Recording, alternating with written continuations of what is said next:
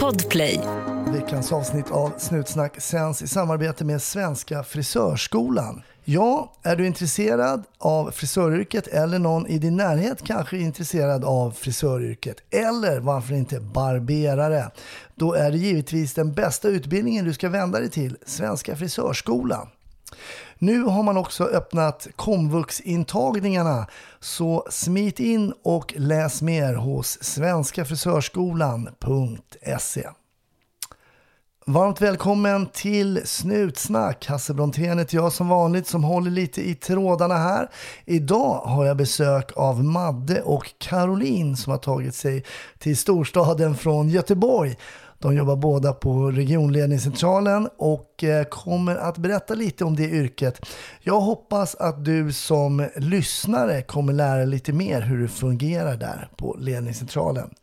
Också några berättelser från deras tid som citat vanliga poliser. Mm. Du vet väl också att du kan få snutsnack en dag tidigare än alla andra, helt komplett utan reklam för priset av en cappuccino i månaden så får du då fyra avsnitt. Så det är väl inte så mycket att tänka efter kring. Smit in på patreon.com eh, slash snutsnack. Men nu, var försiktig där ute och så hoppas jag att du får en riktigt trevlig lyssning. 1310 1070 kom. 1310 Odengatan kom. Ja, det är uppfattat. Vi tar det. Slut. Bra. Klart slut. Varmt välkomna ända från eh, Göteborg. Är det framsidan eller baksidan? Självklart framsida. Ja, det är inte det vi ska prata om. Stort tack för att ni är här och eh, hälsar på mig. Eh, vi ska såklart prata mycket om det som man kallade på min tid var det bara ledningscentralen. Men nu vet jag att ni jobbar på regionledningscentralen i Göteborg. Stämmer. Jag sitter här med Caroline och Madde. Vi ska, innan vi går in lite tänker jag på eh, hur viktigt det är att ha en bra ledningscentral och vad man gör där. Så tänkte jag att ni kunde berätta lite om eran, kort om er historik, varför ni blev poliser. Madde, vad, varför kom du på att det yrket var någonting för dig? Ja, eh, oj, det var, det, det var så länge sedan egentligen som jag funderade på det. Men jag, jag, om jag går till mig själv, jag har inte varit så nyfiken. Mm. Har jag, har jag sett en, eh, en eh, polisbil eller en händelse, så jag blir så nyfiken. Jag vill veta hur ser gärningsmannen ut och ja, det bara spinner vidare. Så jag tror att det är lite, det är nog lite därför som jag faktiskt har dratt mig åt det hållet. Men jag tänker man kan ju vara nyfiken i andra yrken än just polisyrket. Jag menar, du kan vara journalist och var och när och hur och varför liksom. Men Ja, men det, det finns ju mycket annat också såklart. Det, ehm, ja, men köra bil är kul. mm, Och um, vara ute och jobba och röra på sig Mm. fysiskt. Och träffa människor. hade du någon i din närhet som eh, jobbade som polis? Nej, Nej. ingen Nej. Faktiskt. Jag kände inte någon. Kände ingen polis. Nu känner du många. Ja, nu, ja. nu känner Bland, jag alldeles bland annat Caroline kände du. Ja. Eh, hur, vad, vad var din tanke då kring yrket? Nej, men jag, hade inte, jag hade inga tankar att jag skulle bli polis eh, i mina yngre dagar. Jag skulle bli ICA-handlare. Det är in Jag skulle, jag skulle öppna en ICA-butik. Där var jag. Eh, jag gick Handels på gymnasiet. Eh, men sen så började jag jobba med människor på eh, ett eh, boende för gravt funktionshindrade barn. Och där växt, växte intresset för att jobba med människor och göra någon samhällsnytta. Ah. Eh, Så jag, efter gymnasiet spinnade jag vidare och gick komvux och läste till undersköterska. Och det var lite där jag fick en inblick i Polismyndigheten. Just för då började vi prata om akutsjukvård, eh, blåljus, eh, samverka med, ja, med ambulans då, som var mm, mitt tema där. Med eh, räddningstjänst och polis och Eh, Och där blev jag nyfiken och började kolla lite grann på polisyrket. Redan jag, ja men då var jag nog runt 20. Det är ganska ungt alltså. Mm. När kom du in då? Hur gammal var du då? 25. Ja, så han jobbar lite. Ja. Madde, hur gammal var du när du kom in? Jag var också 25. Ja, Jag hade ju en vända på eh, McDonalds ja innan. men det är bra. Och rest lite och sådär. Så jag levde ju livet lite innan jag, innan jag blev polis. Jag tänker McDonalds, där får man verkligen eh, träffa mycket udda filurer va? Oh ja. Ja, Nej men det gav mig ju jättemycket. Absolut. ja, Stress som inte annat. ja precis. Så det har jag ju tagit med mig. Ja. Sen så jag antar att det blir, blev för er som det blev, blivit för många andra och för mig också att man börjar jobba i en polisbil och åker, det hette ordningen på min tid, idag heter det väl IGV då, eller ingripande verksamheten. Var det så för er också? Ja, men det, det var det. Eh, Jag började min eh, bana eh, i nordost.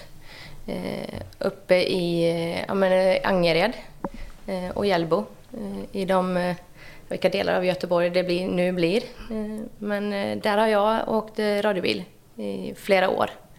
eh, Innan jag gick in och arbetade på regionledningscentralen nu då. Mm. Jag, eh, jag har ju faktiskt jobbat i Stockholm. Mm. Skärholmen. Ja.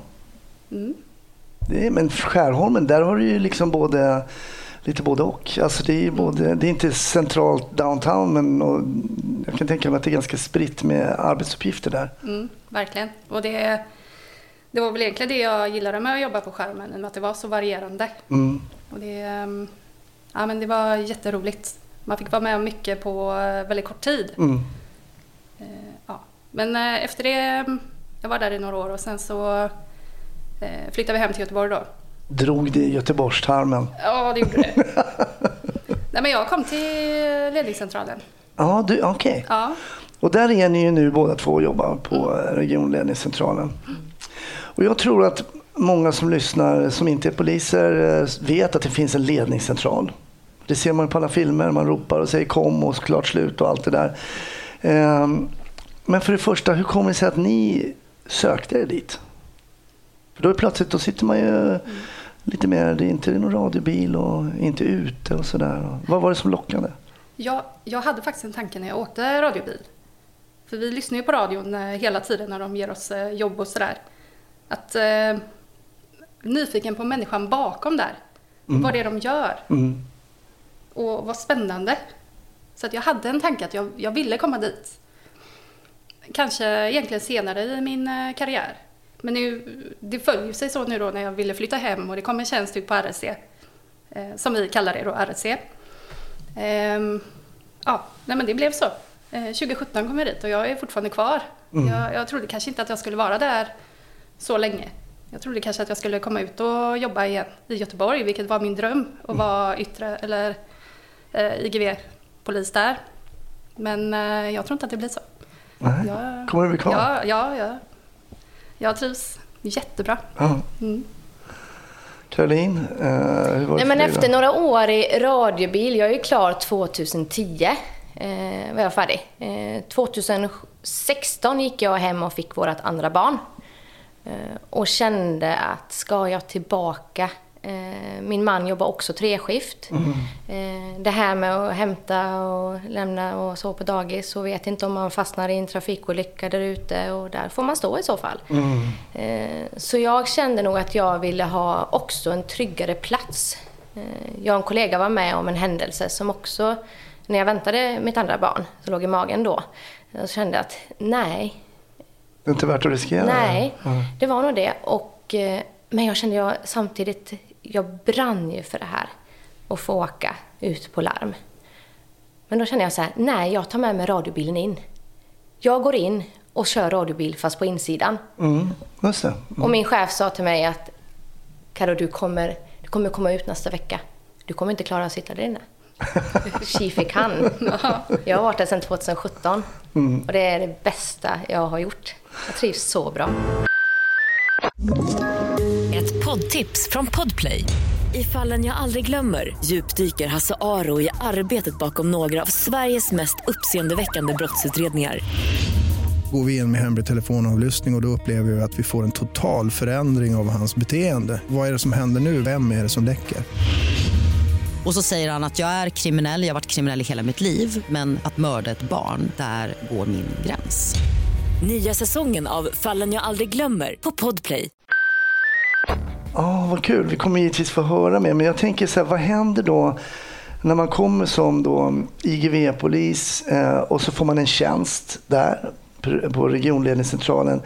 För det är inte bara att sätta sig ner där. Det är ju massa knappar och lampor och, och sånt där. Vad, vad, får ni för utbildning när ni kommer upp dit?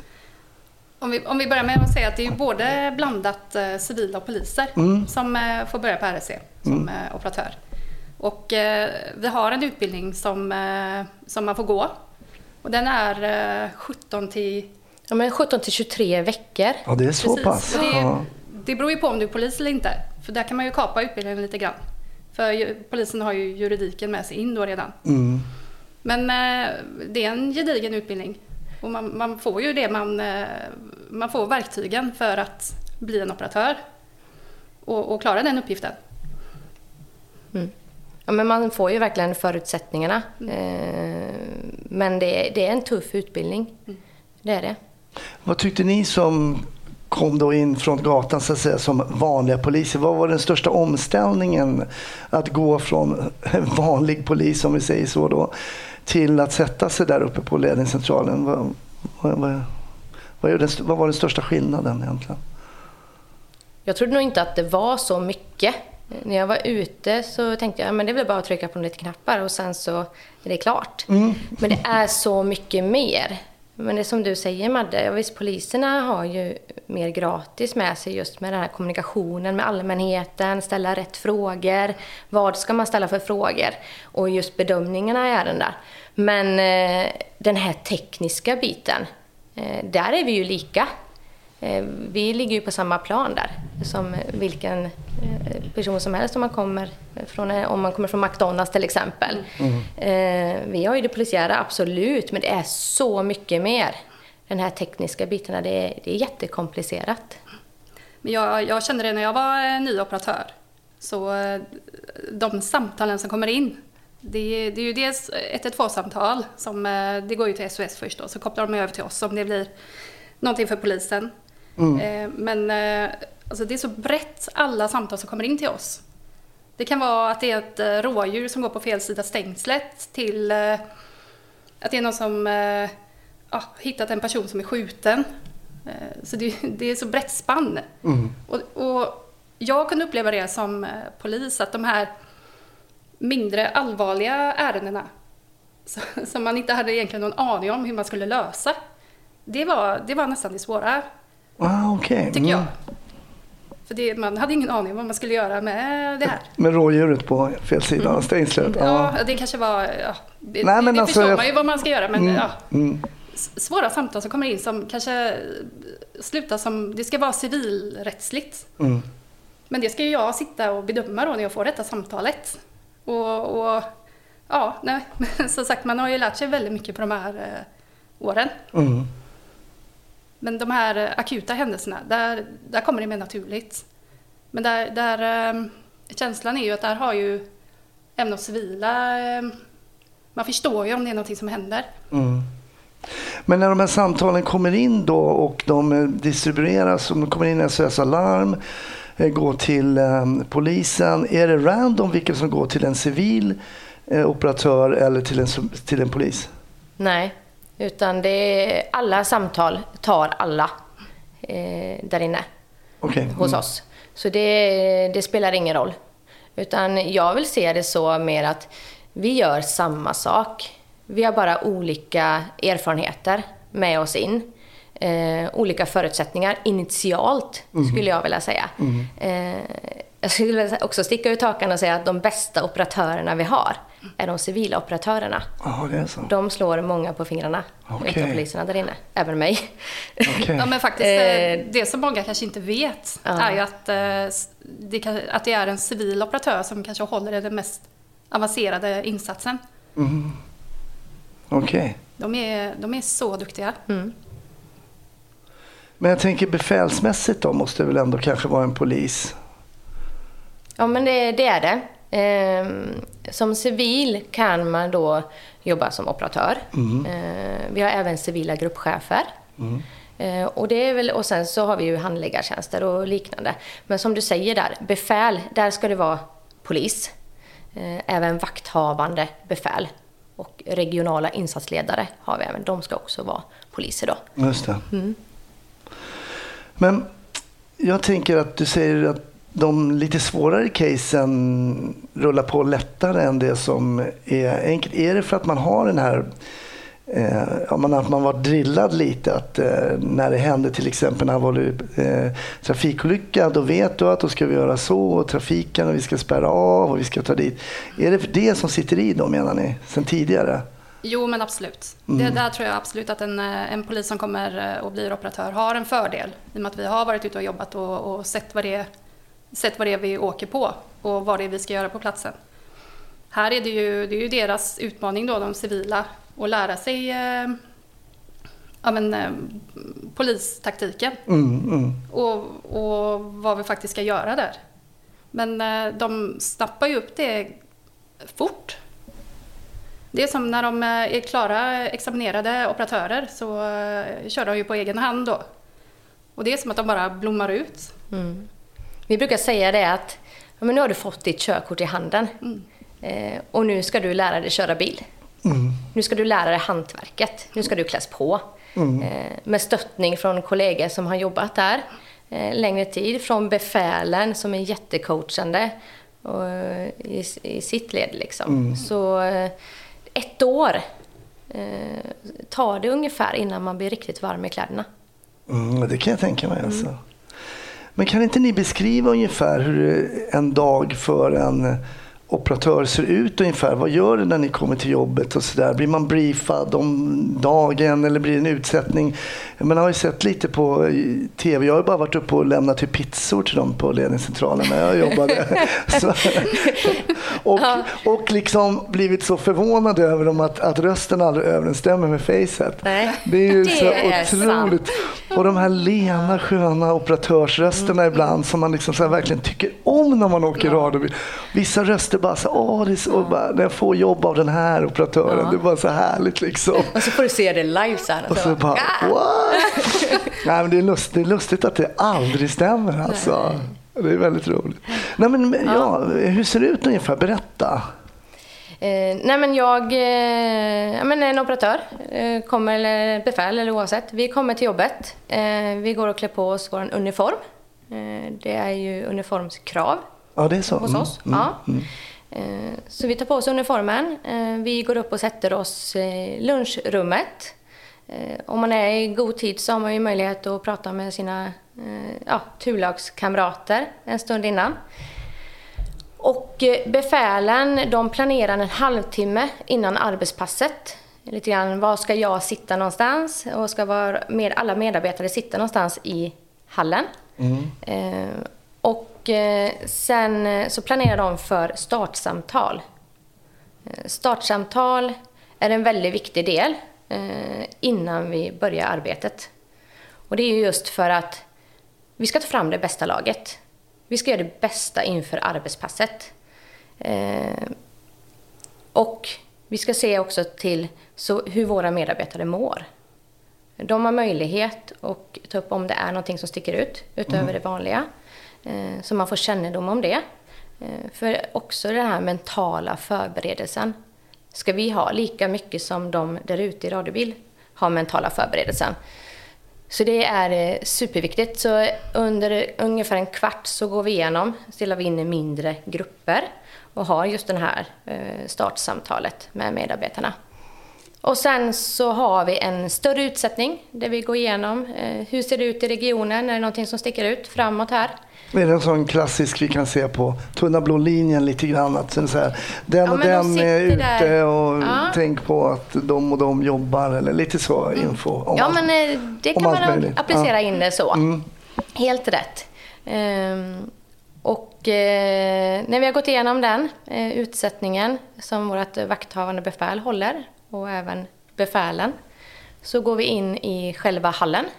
Och jag tycker det var härligt Madde, du sa igår hur ska vi förklara hur hallen ser ut? Och säger Ja, jag, behöver vi förklara hur hallen ser ut? Det är väl inget intresse, men du hade en väldigt bra liknelse. Nej, men det första jag kom att tänka på var ju egentligen, eh, eller jag refererade till eh, Armageddon.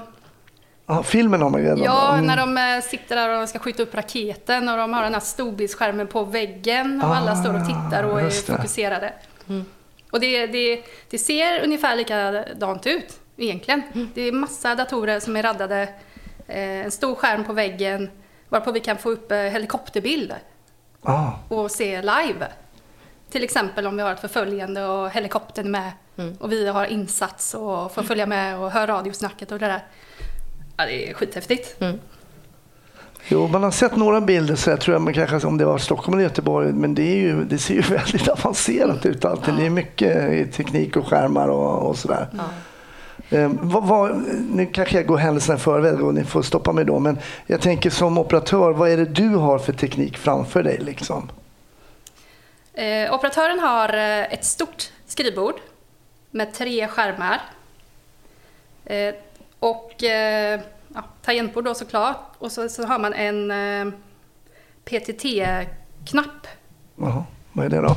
Ja, det är för att kommunicera via Rakel. Alltså sändningsknappen. Och det är radiosystemet ja. Ja, Mm. precis. Och eh, sen så har man även en eh, fot-PTT då. Som man kan trycka på. Och sända där. Ja. Och Okej. det känns lite mer, vad ska man säga, lite mer... eh, Lite laddat. Ja, det är mer laddat att trycka med foten sådär. Så man kan höra när folk trycker ner den. eh, när man ska sända då. Nej, men eh, det är det vi har. Och sen så har vi ju, på de här tre skärmarna då, så har vi en eh, kartbild. Så vi kan se var polisbilarna befinner sig och vad de heter. Vi har eh, själva eh, ett system eh, där vi pratar via Rakel då, Cortex heter det. Och vi har vårt system där vi skriver i våra ärenden, eller HR som vi kallar. Eh, Storm heter det. Så det är egentligen det. Och sen så har vi även, polisen har ju flera system så att vi kan söka information igenom då. Så det, det täcker alla skärmarna. Det gör ju verkligen det. Så man, det man, alla möblerar om det helt olika men man vill ju gärna fylla hela skärmen. Det är lite roligt faktiskt. Man har inte en liten, liten yta. Men jag tänker när, när jag då, om jag är ute och åker radiobil så vill jag ju bara, är, är det, nu har det blivit så modernt, men slår jag en sån här QP-fråga själv, det hör jag aldrig av mig till er om. Det är lite blandat. Och då ska vi säga till lyssnarna, till exempel om jag eh, ligger bakom en bil och tänker men det här verkar ju lite konstigt den här bilen, vi kollar regnumret. Men kan man som polis idag ute på fältet också kolla bilen i sin typ telefon eller något sånt där? Det har ju blivit Ja, väldigt kan mycket. Mm. mer så att poliserna gör det. Eh, Sen får de gärna höra av sig till oss. Vi är Mm. ju jättegärna behjälpliga med de slagningarna. Om inte de skulle ha möjlighet. Ja, just det. Så det kan man göra lite som man vill där och välja. Mm. Okej, men hur många är, som, är ni, sitter ni i varje pass då?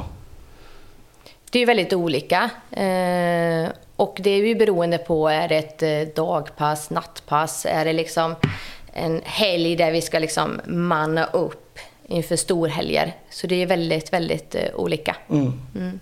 Tillräckligt. Men jag tänker så här, pulsen som man kan få och eh, som man aldrig kan styra när man är ute och, och jobbar i radiobil. Man får puls ibland för något som man tänkte oj, nu fick jag puls för det här. Och så fick man mindre puls. Men den pulsen då, kan ni känna av den även i hallen? När det händer någonting? Oh ja. Oh ja. Absolut. Det som man eh, först, eh, innan själva händelsen, eh, innan vi vet vad det är, så kan man ju se där sam- telefonsamtalen kommer in. När det är röda samtal, det är de mest prioriterade samtalen som kommer in till oss. Hela den eh, skärmen kan ju fyllas. Så då kan man ju ana att det är någonting som händer. Så bara där så taggar man ju till. Och då hör man ju ofta att det är någon som eh, skriker ut. Det är någonting som händer i Göteborg. Ja, okej, okej. Och då blir ju alla på eh, alerten. Ja. Alla ställer om, verkligen. Det, är, det, Det är häftigt. häftigt. Så det finns röda, det är, mer, det är liksom mest påkallat. Och sen så eh, finns det andra färger då ner då? Då ser ni eh, blått och gult eller vad? är det? Ja, ja, inte riktigt. Nej. Men eh, svarta samtal. Ja. Och även radioanrop Okej, som kommer in. mm, Och sen så kan de här också prioriteras upp till att bli röda också. Det är invecklat. Men Ah, okej, det röda kan- ska vi svara på i alla fall. Men eh, vad är det vanligaste som radiobilarna hör av, eh, hör av sig till er om nu då? Om det inte är fordonsfrågor och sådär. Vad, vad hör man av sig till eh, ledningscentralen mest om när man sitter i radiobilen för tiden? Men jag tycker det är, det är mycket avrapportering.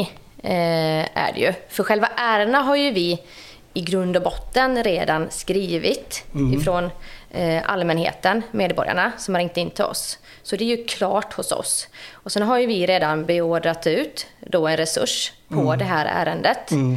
Ehm, Så ofta så är det avrapportering. Eh, Eller så är det ju eh, om det har varit eh, en insats, flera olika radiobilar eh, som sen så ska avrapportera det sista. Okej. Men ni avrapporterar alltså också ert jobb uppe på, på ledningscentralen? Så det blir avrapportering från er och avrapportering även från patrullen? Ja, vi, eh, vi eh, skriver ju in det i ärendet, det som patrullen avrapporterar. Okej. Mm. Och sen när det här är färdigt så stänger vi egentligen ner det ärendet. Och så hamnar det ute på, ja det är Lopot som ska omhänderta det. Mm. Polisområdet liksom. Ja. Mm. Ett poddtips från Podplay.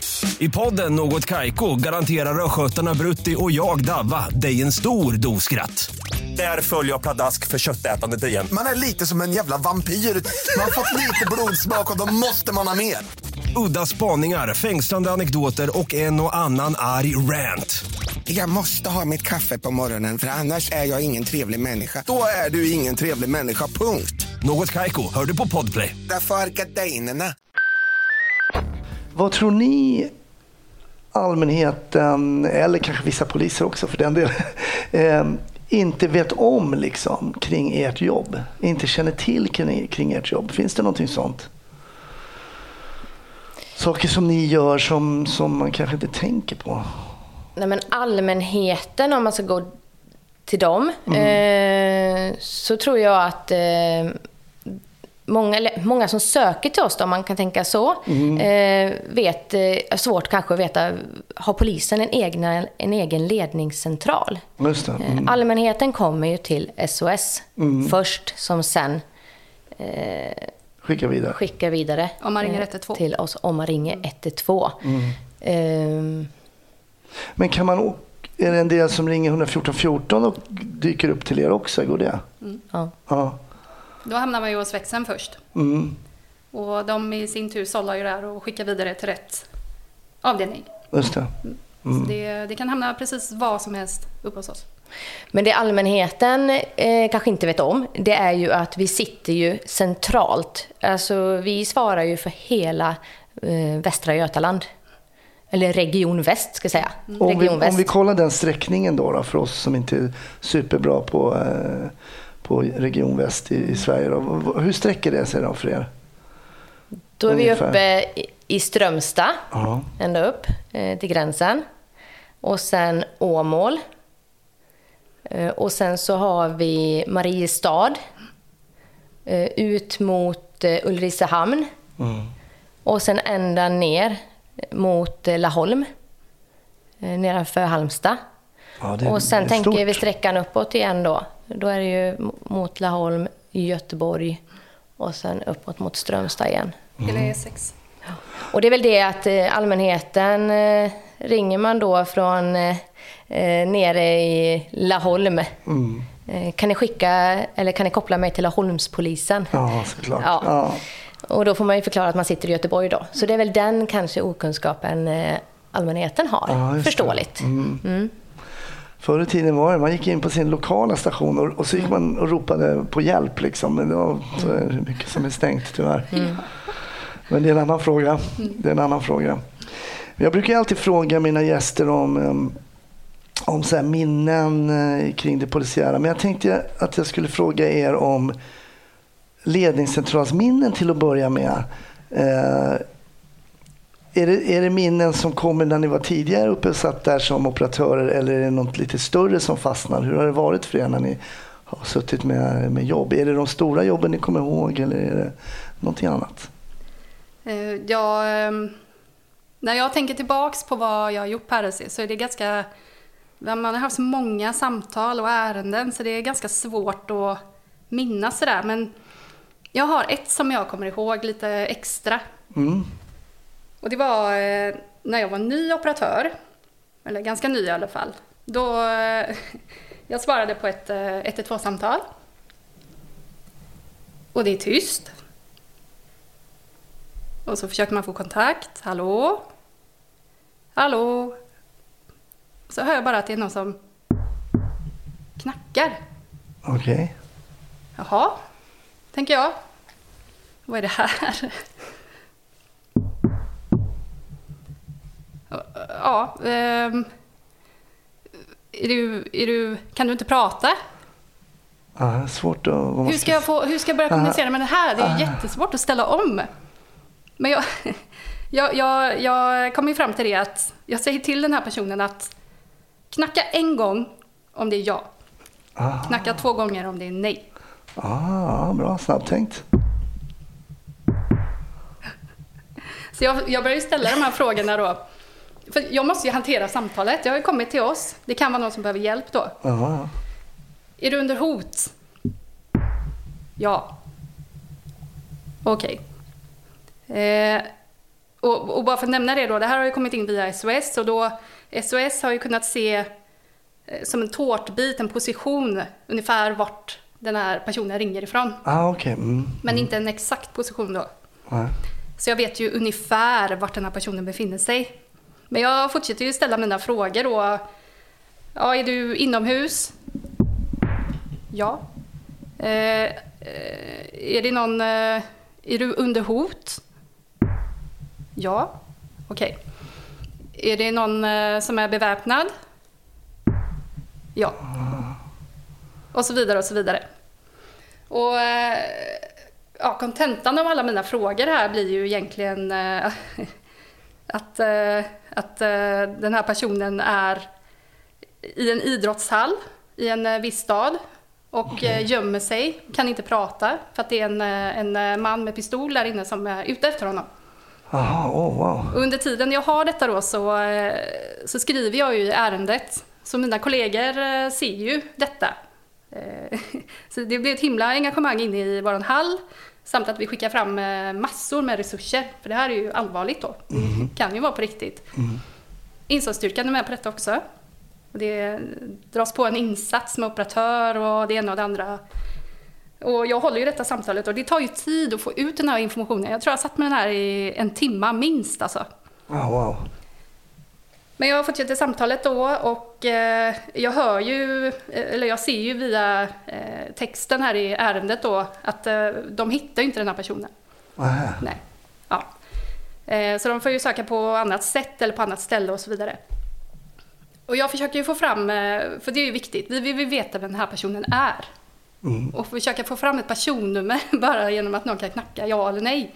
Det var ju inte det lättaste. jag förstår det. Så jag fick ju börja, ja, börja ditt personnummer på eh, sju. Nej. Okej, börja ditt personnummer på åtta. Ja, okej. Och sen då? Är det fem? Nej, men- nu knackar du tre gånger. Nej, men nu, jag hänger inte med riktigt. Ja, och så vidare. Så det var, det var rätt kämpigt. Men vi fick fram eh, hans eh, personnummer. Och eh, det visade sig att det här var ju en person som har psykiska problem då. Så det, det var ju ingenting. Nej, det var Det ingenting. var ingenting. Och jag kände mig ju grundlurad. Ja, fast vad ska man Såklart. göra? Ja, men vad ska man göra? Jag måste ju hantera samtalet och det var bara... Ja. Ja. Eh, Caroline, du var inne på någon utmaning. Eh, Ja, nej men jag vill ge en utmaning. eh, Vi pratar ju, men jag tänker Polismyndigheten i stort. Eh, Så eh, tänker jag så här, vi behöver ju fylla på. Vi behöver bli fler poliser. Fler modiga människor där ute som söker till eh, Polishögskolan.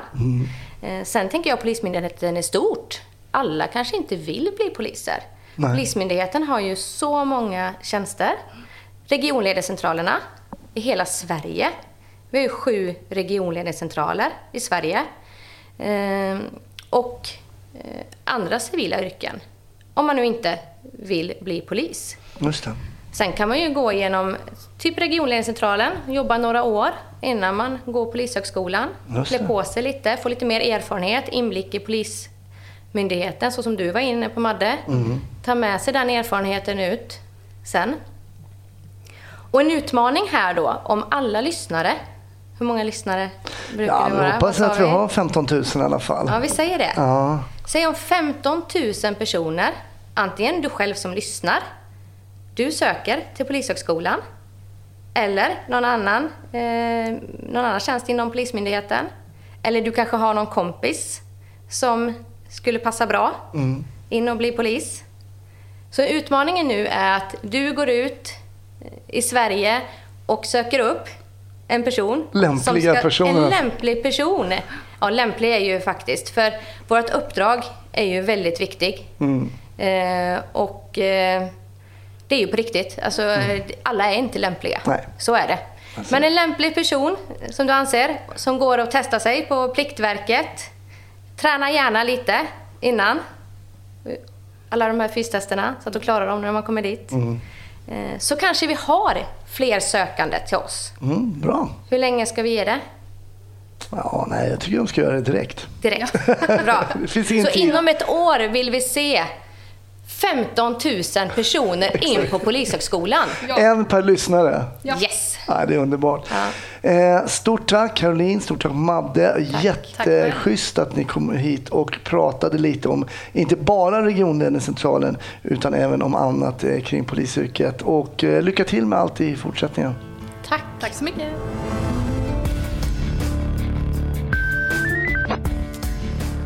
Där rundar vi av Snutsnack för den här gången om du inte är Patreon, vilket ju blir enkelt genom att gå in på patreon.com snutsnack. Då får du avsnitten en dag tidigare, helt utan reklam och helt kompletta. Inget att fundera på, indirekt på patreon.com snutsnack. Annars hörs vi ju givetvis i nästa vecka. Ha det bra, hej!